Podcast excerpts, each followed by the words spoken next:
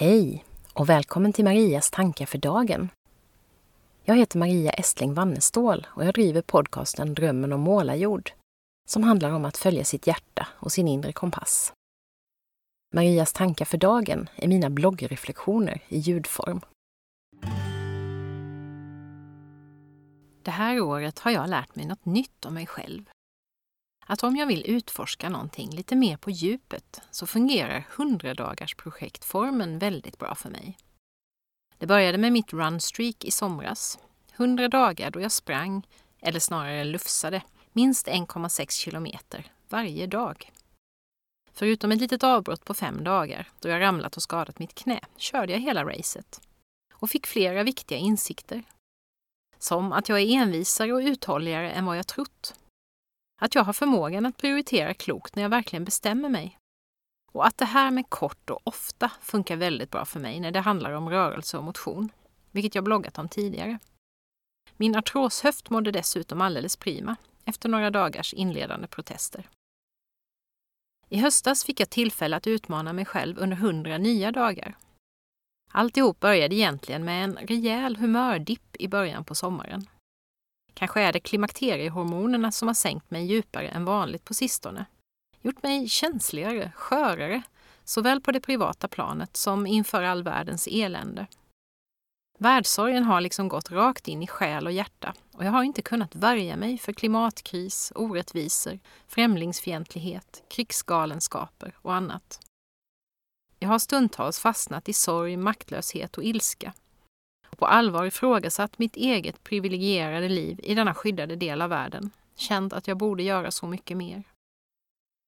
Ur grubblerierna föddes en ny projektidé för är det något jag har lärt mig med åren så är det att när jag jobbar med mitt aktiva hopp, själv agerar i riktning mot den värld jag vill leva i, kan det bli lättare att andas igen. Först blev jag inspirerad av poddsamtalet med Gurgin Bakircioglu att testa att äta helveganskt i en månad. Ganska snabbt utökades den där månadsidén till att omfatta, ja just precis, 100 dagar. Och så växte projektet till ett ahimsa-projekt efter ett pass med min favorityogi Adrian Mischler på det här temat. Jag bestämde mig helt enkelt för att under mina hundra dagar försöka leva efter principen att inte skada någon levande varelse i tanke, ord eller handling. Under mitt projekt skulle jag också försöka göra någon sorts liten god gärning, både för mig själv och för någon annan eller världen.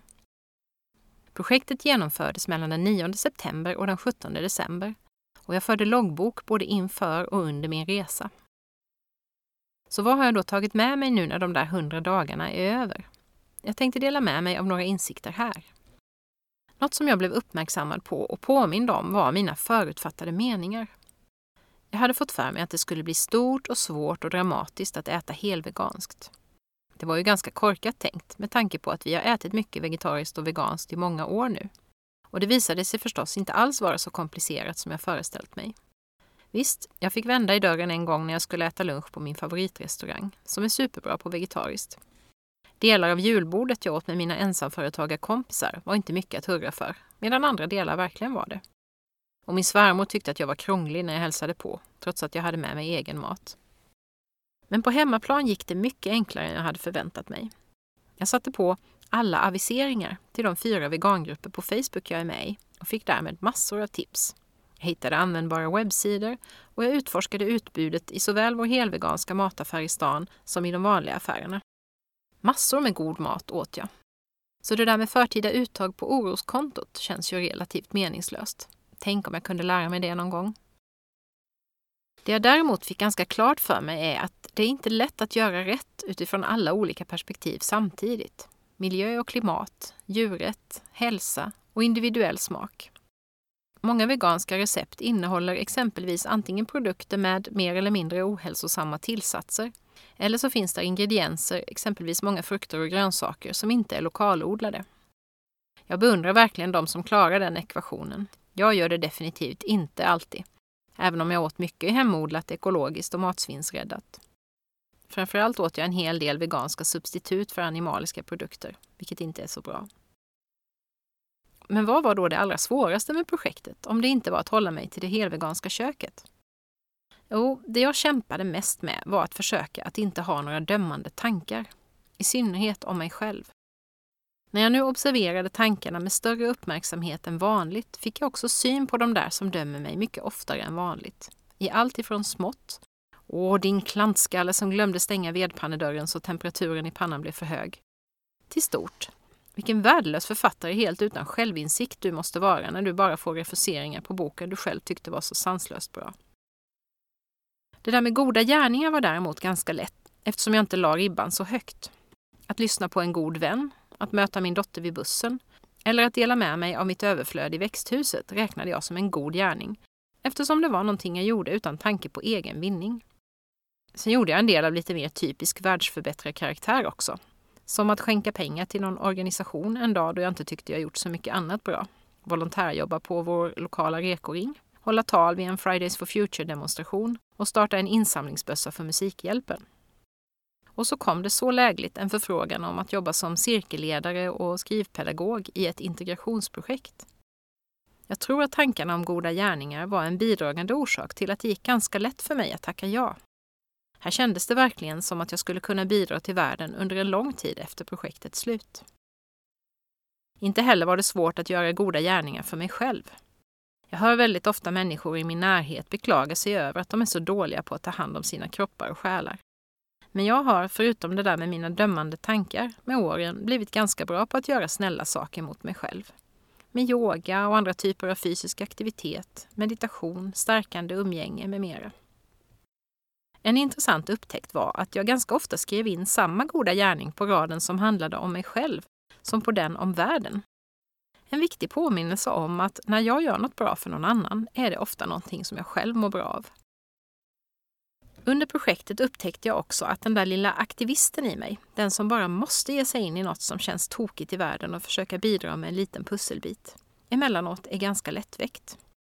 Jag bloggade tidigare i höst om hur jag återigen engagerat mig i klimatrörelsen, även om det tyvärr blev ett kortvarigt tomtebloss den här gången.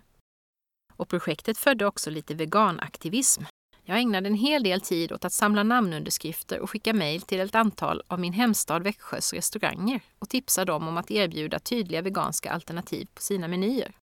För precis som i fallet då jag själv fick vända i dörren är det ju så att även om bara en i sällskapet vill äta veganskt så förlorar restaurangen hela sällskapet som gäster om hen inte kan äta där.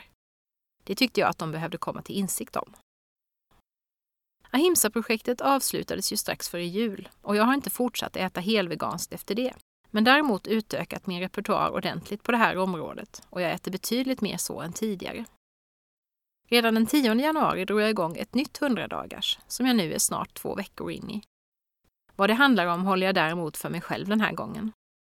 Kanske tittar jag ut här när det är över och berättar om hur det gick.